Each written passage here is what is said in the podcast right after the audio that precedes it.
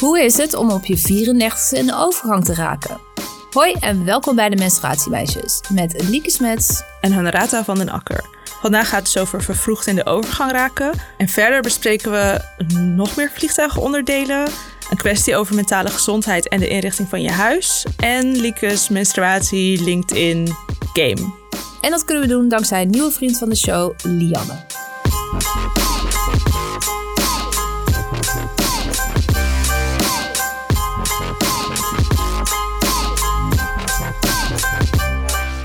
Zometeen gaan we praten met Zeynep Koes uh, over de vroege overgang, want daar heeft zij mee te maken.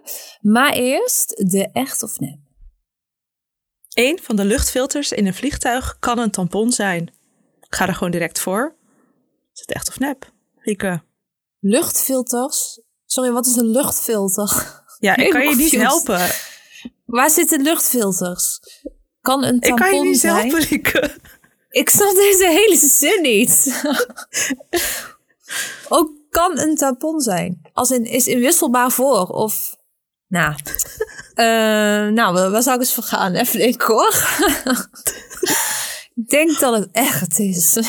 Waarom weet ja, ik echt. Niet. Nou. Oké, okay, ik lees even voor en het gaat over een bepaald type vliegtuigen. Deze vliegtuigen hebben pneumatische pompen die voor de juiste druk zorgen en de gyroscopische instrumenten aandrijven. Voor de instrumenten wordt de lucht door een venturi geleid die voor een zuigkracht zorgt.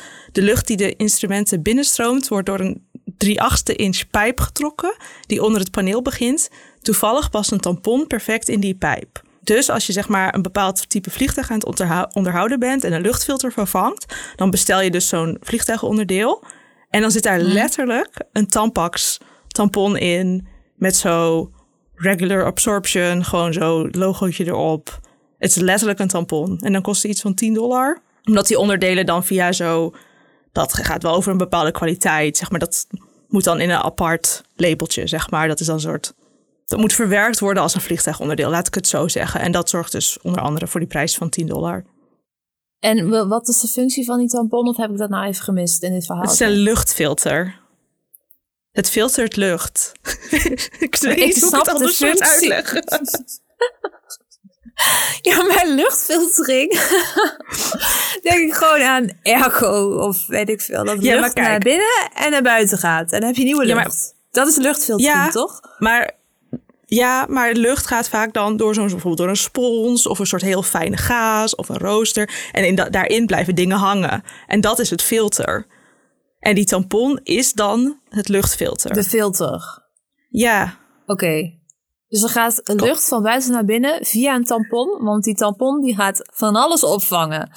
ja. Oké. Ja. Nee. ehm, hebben we hier een plaatje bij misschien? Of, Ja, Een wil je een plaatje? Ja, ik eh, Heel zet graag. een plaatje in de show notes. Maar ik heb alleen een plaatje van het tampon in die vliegtuigonderdeelverpakking, zeg maar. Maar er is geen Ja. foto bij van echt in de cabine dat iemand er een tampon insteekt. Dat heb ik niet. Dat staat niet op Oké. mijn vervoeging. Nou, maar ik vind dit eh, voldoende. Dus dat is goed. Ik heb een echt of, net, echt of net nog nooit zo verwarrend gevonden. Maar is goed. Ja, Ehm, Ik ook niet, Lieke. en, je, en je was volgens mij duidelijk geïnspireerd door mijn echt of nep, hè? Ja, inderdaad. Dus we gaan het zien volgende week. Deel 3 van Vliegtuigfeitjes. Met Lieke en Honorata. Nieuwe rubriek. Ja, of ik ga gewoon over op de squats of zo. Of eh, op, de Ja. bussen. Of Squats? op de treinen. Quads. Quads. Dat is de quads. Deze fit girl was even in, de, Volgende week. Squats. even in de wacht. Oké. Ehm, goed. Eh Zeynep is digitaal aangeschoven. Welkom. Dankjewel, Honorata. En Lieke, misschien kun jij eerst even vertellen hoe jij op het idee kwam om Zeynep uit te nodigen in de podcast. Ja, ehm, wij waren op een avond van FNV en dat is een vakbond. En die avond ging over eh, menstruatieverlof eh, in Nederland. En ja, er werd eigenlijk gepraat van, hebben we dit nu, nu nodig? Eh, willen we dit wel, ja of nee? En toen vertelde Zeynep dat ze vroeg in de overgang kwam en daar last van had. En toen dacht ik laatst, ja, god, daar moeten we het toch echt even over hebben. En nu zitten we hier. Zeynep. Ja. Misschien kan jij nog even vertellen wat je zoal doet in het dagelijks leven en eh, wie je bent. Nou, dat is goed. Ik werk bij eh Young United, ehm, de jongere tak van eh, de FNV. En wij hadden een enquête uitgedaan of uh, menstruatieverlof, of daar behoefte aan was. En ik was eigenlijk ondertussen zelf met allerlei dingen met betrekking tot mijn hormonen aan het struggelen, maar ik durfde dat allemaal niet zo te zeggen. Dus hè, vanuit mijn perspectief, ik ben dat aan het doen op, uh, voor mijn werk. En ja, en ik voel ergens van jongens, met mij is er ook van alles aan de hand. En dat voelde een beetje hypocriet. Dus ik dacht, ik ga mee naar die bijeenkomst en ik ga het gewoon vertellen. Want uh, wij kwamen erachter van ja, heel veel mensen die vinden nou, dat er op zich wel aandacht voor moet komen. Maar verlof is niet de oplossing, zeg maar. Nou ja, en toen kwamen we elkaar tegen, want jullie zijn ja. uh, een podcast aan het maken. Lieke was daar aanwezig. Uh, maar onze of mijn conclusie was van joh, practice ook ja, wat, practice what you preach. Op het moment dat jij bijeenkomsten gaat organiseren met ook echt de intrinsieke motivatie van ja, wij moeten dit uh, onder de aandacht gaan brengen en ook op werkvloeren bespreekbaar maken, dan vind ik dat ik dat ook um, zelf mag doen. Ja, dus het is enerzijds mijn werk, maar anderzijds liep dat parallel met een proces. En inderdaad, dat was de overgang. Ja, ik denk wat het ook misschien moeilijk maakte, was dat uh, het is makkelijker om het te hebben over bijvoorbeeld beleid of oplossingen voor anderen. Maar opeens, als jij dat zegt, ik, dit vind ik en ik ervaar dit zo. Maar vervolgens zijn dat wel je collega's, ook als het project voorbij is. Uh, dus ik snap, ik snap wel dat dat een beetje spannend was of dat dat niet vanzelf ging. Ja, ja, dat klopt. Maar ik denk ook dat het aan de andere kant ook heel erg krachtig maakt. Van uh, nou ja, we vinden dit belangrijk. Ik vind het belangrijk. En ik heb er zelf ook nog inderdaad een soort intrinsieke motivatie bij. Maar dan hebben we het hier over. Het voelde voor mij ook echt een beetje als een coming out. Want er zat ook heel veel schaamte aan. Ja. Ja, want ik ben 36. Ja, dan. Ja, dan. dan, ja, dan is dat geen vanzelfsprekendheid? nee, precies. Om in de overgang te raken. Precies, nee, precies. En op die avond deed je daar uh, volgens mij voor het eerst al een boekje over open. Mm nou, laten we even bij het begin beginnen. Je bent dus vervroegd in de overgang geraakt. Kun je uitleggen wat er dan precies gebeurt? Nou, er zit nog een stuk aan vooraf. Mm -hmm. uh, ik ben Zeynep, uh, we hebben een pandemie en uh, nou ja, ik denk, ik voel me niet echt lekker, maar dat snap ik. Want hè, ik bedoel, de wereld is ineens heel erg anders en ik leef ook anders ja, ik voel me ook anders. Dus nou ja, het zal wel. Weet je wat ik moet gaan doen? Ik denk dat het goed is om, uh, om te gaan sporten en uh, misschien wat gezonder te gaan leven. Dus ik op een gegeven moment het roer omgegooid, vegan aan het eten geslagen, personal trainer in de arm. Want ik dacht, ja, gaat niet helemaal lekker met mij. Mm. Ik um, word emotioneel om dingen waarvan ik normaal gesproken en mentaal gezien denk, lekker boeiend. um, ik maak me zorgen op dingen waarvan ik echt wel weet dat het ja, me ook niet zo interesseert. Dus ik had het idee dat ik de grip op mezelf en mijn mental health een beetje aan het verliezen was. Maar gezien de hele situatie dacht ik, nou ja, dat is niet zo gek. Weet je wat, we gaan het gewoon, we gaan hier iets aan doen. Naarmate ik dat proces vorderde, dus lekker sporten en uh, gezond eten, voelde ik me alleen maar slechter. En nou, achteraf gezien uh, heb ik kennis dat het helemaal niet handig is om je vetpercentage omlaag te halen. Om heel erg veel aan krachttraining te doen op het moment dat jij je hormonen in balans wil hebben. Want we weten dat sporters ook vaak hè, hun menstruatie wordt beïnvloed. En ik ga ineens van een soort uh, couch potato, an amazing one, ineens naar een soort fit girl ride om me goed te voelen. Maar alles in mijn lichaam zegt no girl, don't do it. Dus op een gegeven moment, ik zit in dat proces. Maar midden in de nacht word ik wakker. Ik ben helemaal bezweet. Uh, ik denk, wat is dit? Maar ik wil het ook niet weten. Ik denk, nou, ja, weet ik veel, misschien ben ik gestrest. Dus zo is dat een beetje een tijdje gaan voortkabbelen. Maar op een gegeven moment dacht ik, ja, ik, uh, ik moet mijn bloed laten checken. Mijn moeder was ook vroeg en uh, mijn menstruatie begon steeds onregelmatiger te worden. En dan zit je bij de huisarts. En die hebben toen uh, bloedonderzoek bij jou gedaan? Klopt dat? Nou, of? Die, die, ja, die keek me eerst aan van mevrouw, ehm, ja, ja ik, ik snap dat je je zorgen maakt, maar je bent hartstikke jong, ga maar naar huis. Ik zo, uh, nou, mijn moeder was ook heel vroeg. Dus ik heb een aanleiding, uh, kunt u mijn bloed checken? En ja, inderdaad, dat hebben ze gedaan. Maar dan moet je dus voor menstrueren, want ze kijken of een bepaald hormoon, in hoeverre die aanwezig is in je bloed. Maar het is wel ook belangrijk om, dat, uh, ja, om te weten wanneer. Zodat je er een beetje betekenis aan kan, uh, kan linken. Nou, toen was het wachten op het bloed. En toen ik een keer menstrueerde, hebben we het gecheckt. En uh, ja, ja, je zit in de overgang. En hij heeft een hele lieve assistente. En hij zei van, misschien moet je even met haar gaan praten. Want zij zit ook in de overgang. Hele lieve dame. Maar ja, wel gewoon op de leeftijd dat ze steunkousen draagt. Dus ik dacht, nee, nee. ik heb iets meer care nodig. En hmm. ik wil ook gewoon weten wat ik kan doen om mezelf te ondersteunen in dit proces. Maar ik was heel emotioneel, dus ik ben eerst naar huis gegaan. Ja. Uh, een beetje gejankt. En toen heb ik hem opgebeld van, joh, wil je me doorverwijzen? Ik wil naar dit UMC om die en die redenen. En uh, dat mocht. Ja. En kunnen ze dan alleen op basis van je bloed zien dat je dus uh, vervroegd in de overgang uh, raakt? Of um, is dat een combinatie van verschillende factoren waar ze dan naar kijken? Nou, dan, dat, is, dat zou een indicator kunnen zijn. Ik denk niet dat je hmm. dan meteen kan zeggen, joh, um, weet je wel, dit hormoon is op dit moment uh, op zoveel procent. Nee, dat is, het is een combinatie van factoren. -hmm. En dat is natuurlijk nou, je cyclus. die is echt, dat is de beste raadgever. Ja. Op het moment dat jij niet aan de pil bent en nou ja, er komt een verandering, ook in de intensiteit, in de duur um, van je cyclus. Ja, dat, dat, is, dat is echt wel een, eh, een signaal. Maar dat kan natuurlijk ook met andere dingen te maken hebben. En daarnaast um, moeten ze ook het een en ander uitsluiten. En je zei net dat uh, je een doorverwijzing wilde naar het UMC of naar een bepaald UMC. Uh, eh, heeft dat UMC iets voor jou kunnen betekenen? Ja, zeker. Ik kwam op een gegeven moment, want ik kwam, nou ja, dit heeft wellicht niks met de overgang te maken, maar ik ben 36 en het bijeffect is dat ik dacht, oké, um, ja, wil ik kinderen? Uh, zo ja, uh, dat wist ik helemaal niet. Um, daar moet ik misschien nu over beslissen. Um, dus ik was helemaal die tour op aan het gaan in mijn hoofd. Van oké, dan zit ik daar straks bij de gynaecoloog. En dan gaan, ja, dan gaan ze dit soort vragen aan mij stellen. Dus dan moet ik wel voorbereid zijn.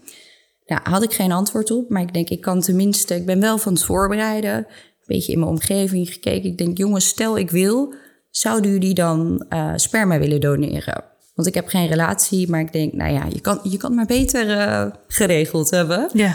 En toen kwam ik daar aan, maar ze hebben mij verder geholpen met het volgende, namelijk onderzoek doen. Want zij willen gegevens aanvullen als het gaat om overgang, vervroegde overgang. Waar ligt dat aan? Wat zijn de oorzaken? En mij gaf het natuurlijk uh, handvatten om te begrijpen... wat gebeurt er in mijn lichaam? Is dit genetisch? Zodra... Uh, want ja, nou ja, ik, ik heb dit nu, maar ik heb ook nog uh, nichtjes. Dus ik denk, als het iets is, dan kan ik tenminste tegen de dames zeggen... joh, mocht je kinderen willen, wees er snel bij, la di la di la. Dus ja, ik ben zeker wel geholpen. Ja, je benoemde ook dat genetische. Um, weet je hoe het komt dat jij het hebt? Was het genetisch? Um, nou, officieel gezien zou het bij mij niet genetisch moeten zijn.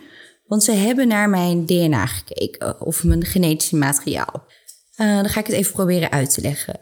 Er is bij mij tijdens de embryo, uh, tijdens de celdeling, toen ik nog een embryootje was, iets misgegaan bij een celdeling. Nou, normaal gesproken dan stoot je lichaam dat af en ga verder met de gezonde cellen. Uh, dat zien we ook wel eens in dieren, in katten. Dan heb je dus eigenlijk besta ik uit meerdere, niet één soort genetisch materiaal. Ik ben een soort lapjeskat. En wat is daar anders? Uh, nou ja, wij hebben 23 chromosomen volgens mij. En als je vrouw bent, is het XX toch? Ik mis bij een aantal chromosomen het tweede X-chromosoom. Dus voor mij is er iets bij de celdeling misgegaan. Maar ik vraag mij nu af, maar dat willen we nog heel graag met mama en zo laten onderzoeken. Van hoe zit dat bij jou eigenlijk? Maar uh, die woont in het buitenland en uh, ja, dus dat moeten we een keer oppakken. Ja, dat is ook meer een soort extra informatie, denk ik, in dit geval, ja. toch? Dus dat heeft geen directe. Nee, maar ze, ze, zeggen ook inderdaad: het is niet genetisch. Maar ik vind, ja, dat kan je toch niet zeggen als je haar materiaal nog niet hebt bekeken. Ja, ja, ja. inderdaad. Maar voor mij is, is dit de aanleiding.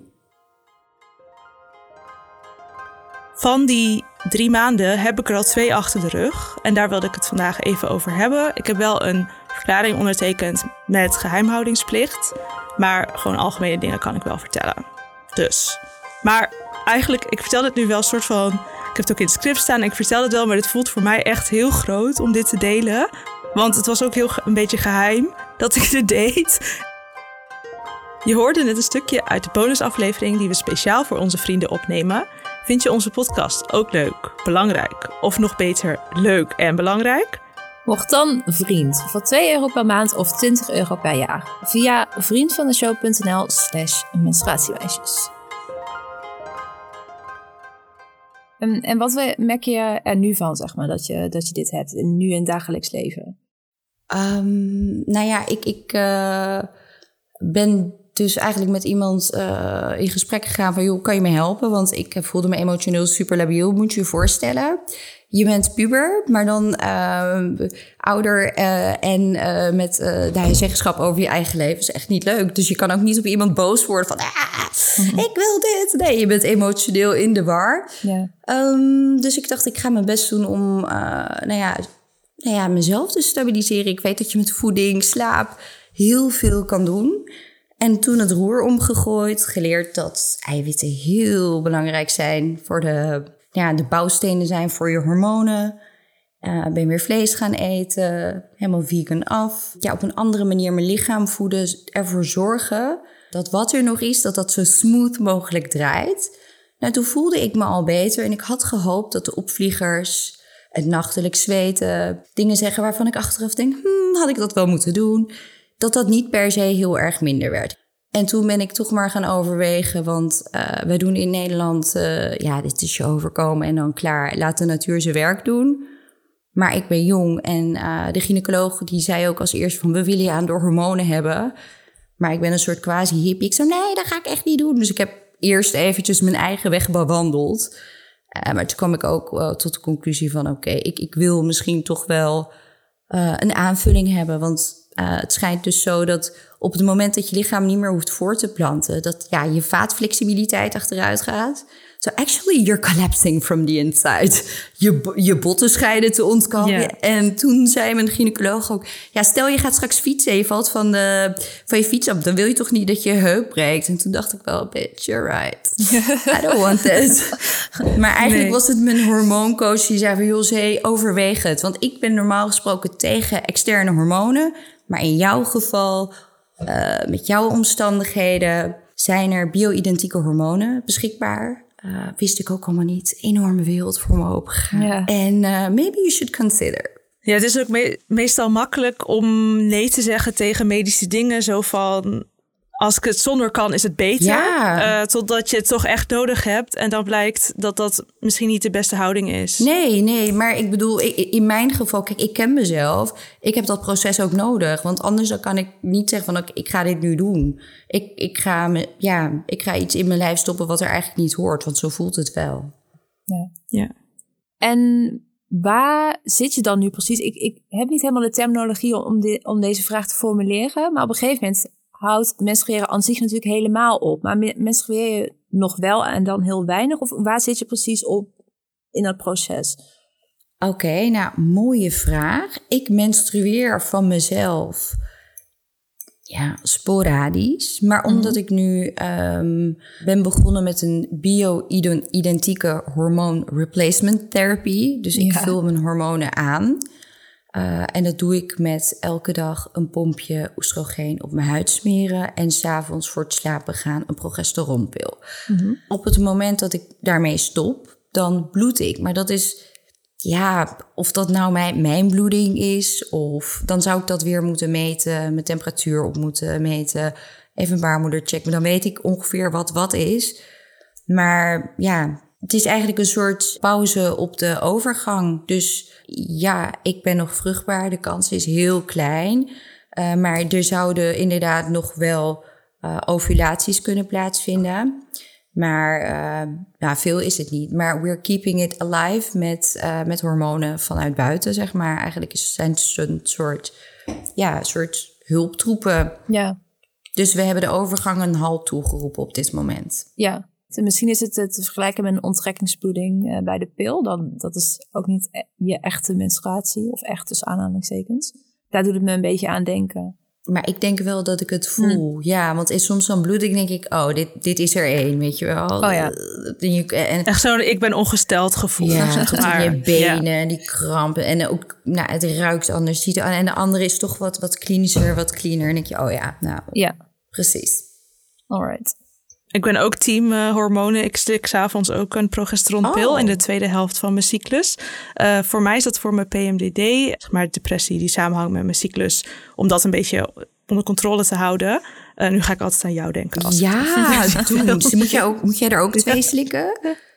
Nee, ik één. Ja. Oké. ja. Okay. Maar ik weet ook niet, ik heb 200 milligram of UG. Ik weet even niet welke eenheid het is. Mag ik wat aan je vragen? Ja, van mij wel. Oké, okay, dus als ik die progesteron slik, dan heb ik het idee dat mijn lichaam anders ruikt. Heb jij dat ook? nee, sorry. Ik zou je, maar het zou kunnen. Ik zou het mijn vriend moeten vragen. Nee, maar dan, dan moet ik wel even, even, onder de oksels snuffelen. Ja. ik denk, hmm, this doesn't smell like me, nee, nee, dat heb ik niet. Ik heb wel dat ik heel erg in slaap val. Um, ik weet, want mijn... Uh, soort van, mijn arts had toen ook gezegd dat je het moest nemen en dan in bed moest gaan liggen. Dus ik dacht echt, nou, als ik hem neem, dan val ik echt direct in slaap. Ik vond het een beetje overdreven, maar ik dacht, ze zal het wel weten. Ja. Dus ik in bed liggen en die pil, ik zo, oké. Okay. Nou ja, volgens mij word ik wel een beetje straks slaperig. Maar ja, maar ik viel niet als een blok in slaap. Zit toch nog wel een beetje tijd tussen. Nee, precies. Ja. Nee, ik heb het ook daarom in mijn nachtkastje, zeg maar. Ik heb het nooit in de keuken of in ja. de badkamer neergezet, maar altijd in mijn, vanwege die waarschuwing. Maar goed, ik denk, ja. ik ben wel wat gewend hoor. Dus ik, uh, ja. Ja. Wat merk je ervan? Gaat, gaat het nu beter? Geestelijk? Voel je je stabieler? Um, ja, jazeker. En ik heb zelfs het idee dat ik denk... hé, hey, ik heb me in jaren niet zo goed gevoeld. En er komt ook nog het effect bij waarvan ik denk... van volgens mij doet het mijn huid ook goed. En natuurlijk ik moest wel even een periode wennen. De eerste drie maanden vond ik het helemaal niks. De, het moest er even doorheen. Maar nu, ja, ik slaap heel goed. En uh, ik zweet niet meer midden in de nacht. Ik word niet meer wakker om me om te kleden omdat ik helemaal doordrenkt ben. Ja, nee, het is goed. Het voelt fijn. Ik heb, ik heb rust of zo. Ik weet ook wat er aan de hand is. Want ik zat eerst op de trein van... Am I turning crazy? Dus dat ja. is heel fijn. Was dan ook het dat je dan vertelde op werk, was dat ook onderdeel van het feit van nu ben ik er ook oké okay mee, soort van, met wat er met mij gaande is, of ik ben klaar om het te delen? Was dat een soort resultaat van het proces of was het onderdeel nou, het van was het proces? onderdeel van het proces. Want toen ik dit hoorde, ik was uh, op vakantie. Uh, en mijn ouders wonen okay. in het buitenland, die zijn geremigreerd in Turkije. En uh, ik had een videocall met de gynaecoloog. En dit nieuws dus gehad. En daar kom ik straks ook weer terug op werk. Maar en, en toen was ik in die kamer. Toen dacht ik van oké, ik kan nu doen wat ik altijd deed. De kamer uitlopen. Doen alsof er niks aan de hand is. Of ik kan gewoon zeggen van jongens, dit is aan de hand. En ja, ik weet niet zo goed wat ik ervan moet denken. Maar ja, ik heb even, even steun en liefde nodig. En geen vragen. En geen, ah, wat erg voor je. Um, maar dit heeft er dus voor gezorgd dat ik tijdens dit proces of door dit proces ook eigenlijk een beetje mezelf heb gedwongen om me kwetsbaar op te stellen en hier open over te zijn. Want ik voelde dat ik me schaamde en ik wist heel erg, ja, ik weet heel erg, dit, ik hoef me nergens voor te schamen. En toen ik bij mezelf naging van waar komt die schaamte dan vandaan? Ja, we hebben het er niet over, het is niet de norm.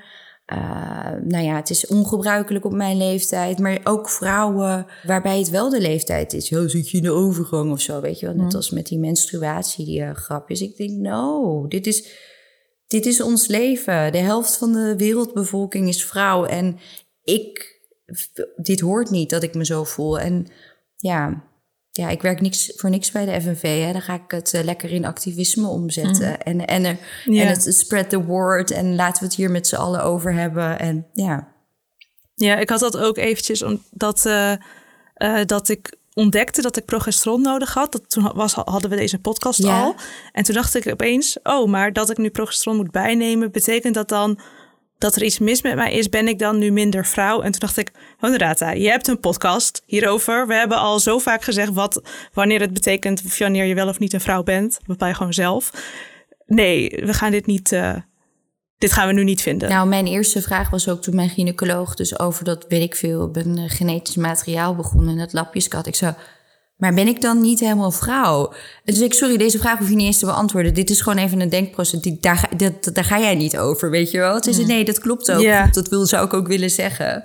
Maar dat je je bijna gewoon incompleet voelt. Niet, niet, niet, uh, ja, niet compleet. Ja. Dat is een schakeltje, maar dat is helemaal niet zo. Dit hoort gewoon bij het hele proces van vrouw zijn. Uh, gaan bloeden, stoppen met bloeden en uh, ja, al het moois wat daarbij komt kijken. En hoe merk je dat uh, mensen dan reageren als je hierover deelt? Hoe, ga, hoe gaan nou, mensen daarmee om?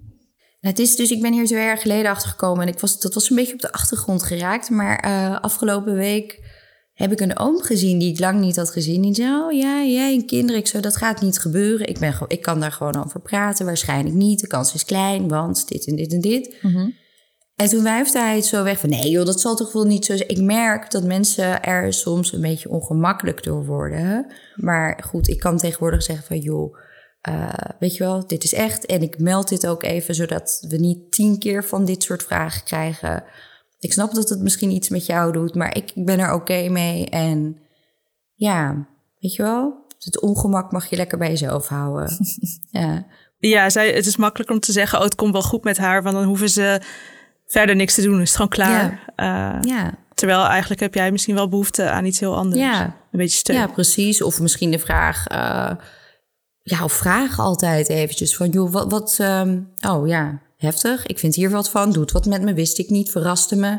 Um, ja, hoe wil jij dat ik hiermee omga? Ga, vraag het aan de persoon ja. zelf. Want dat verschilt ook. Soms wil je vertellen, soms denk je, ja, even geen zin in. Dat is ook oké. Okay. Ja.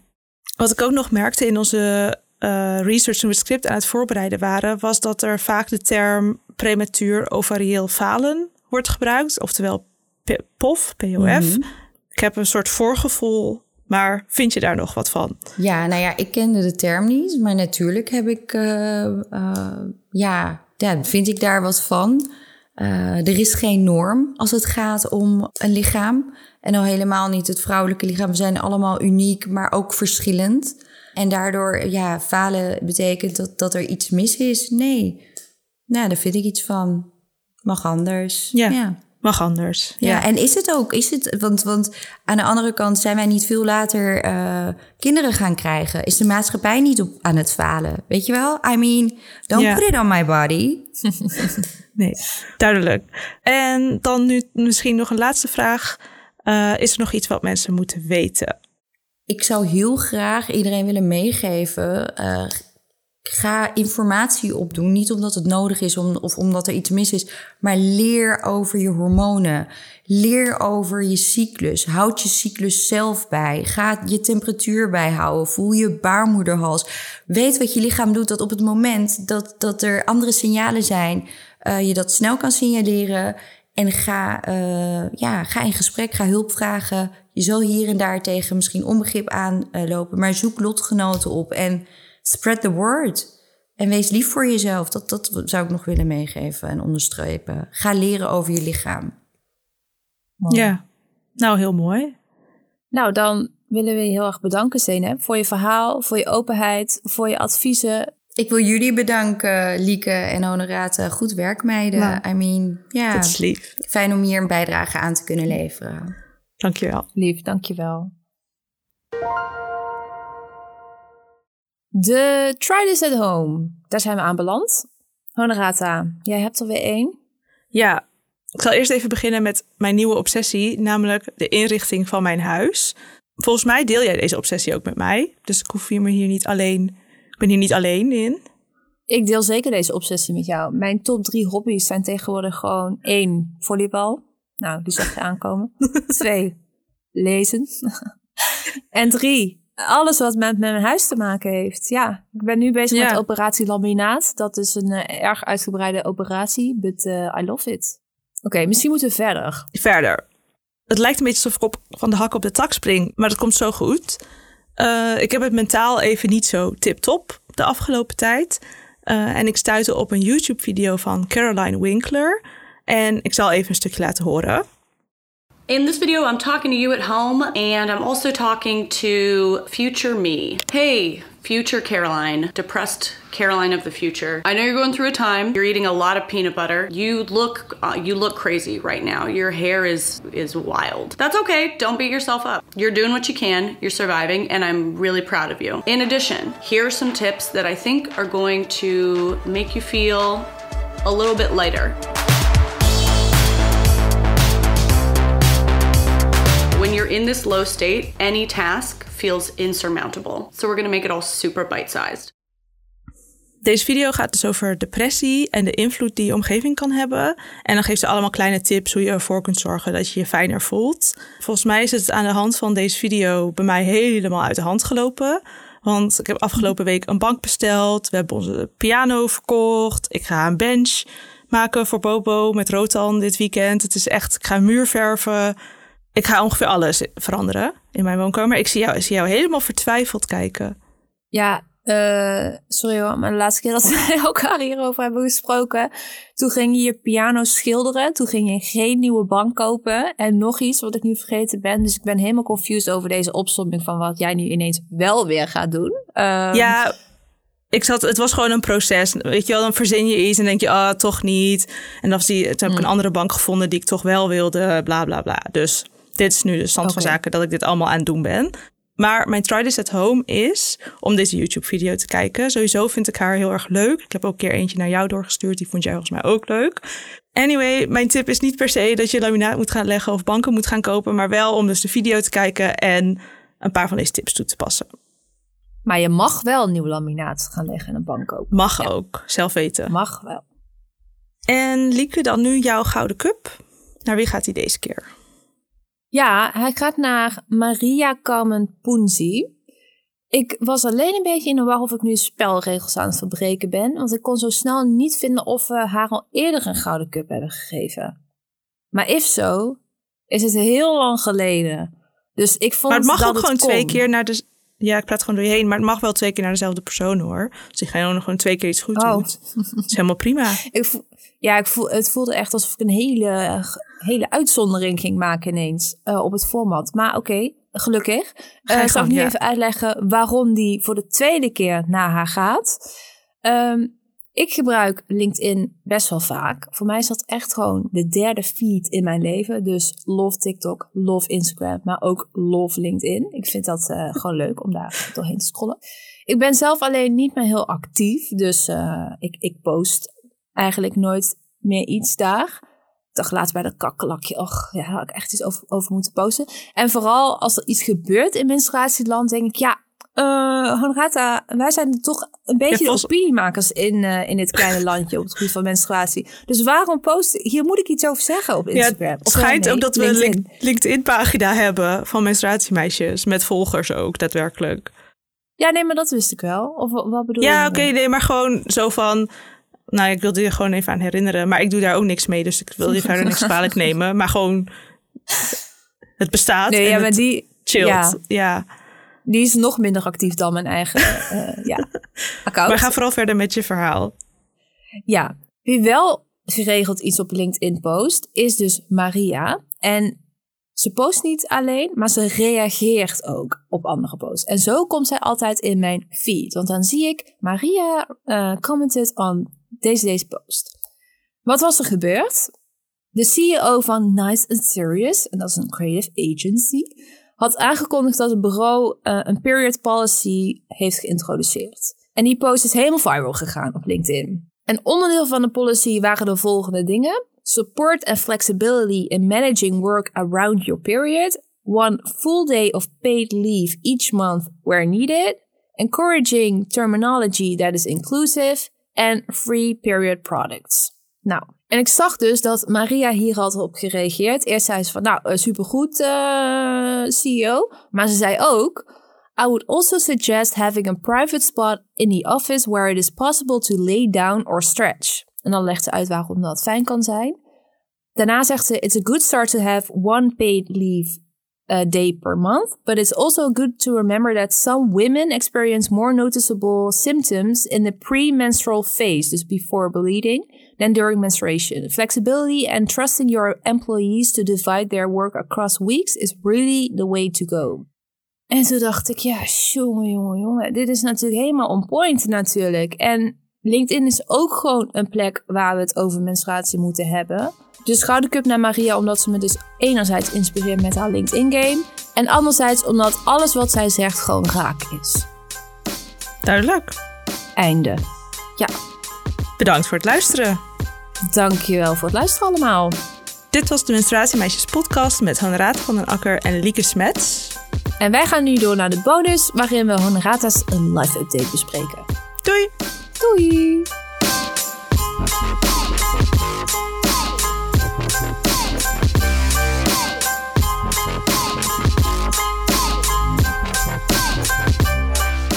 En die post is helemaal viral gegaan op LinkedIn. Nou, wij weten hoe dat voelt. Een grap. Oké, die dan ben ik eruit. er draagt zo niks bij aan dit verhaal. Oké. Zo, Eerst, we doen niks meer op LinkedIn, maar we gingen wel een keer viral. Ja. Ja. Toch even gezegd hebben, ja. We weten wel hoe het moet, toch? ja. Oké. Música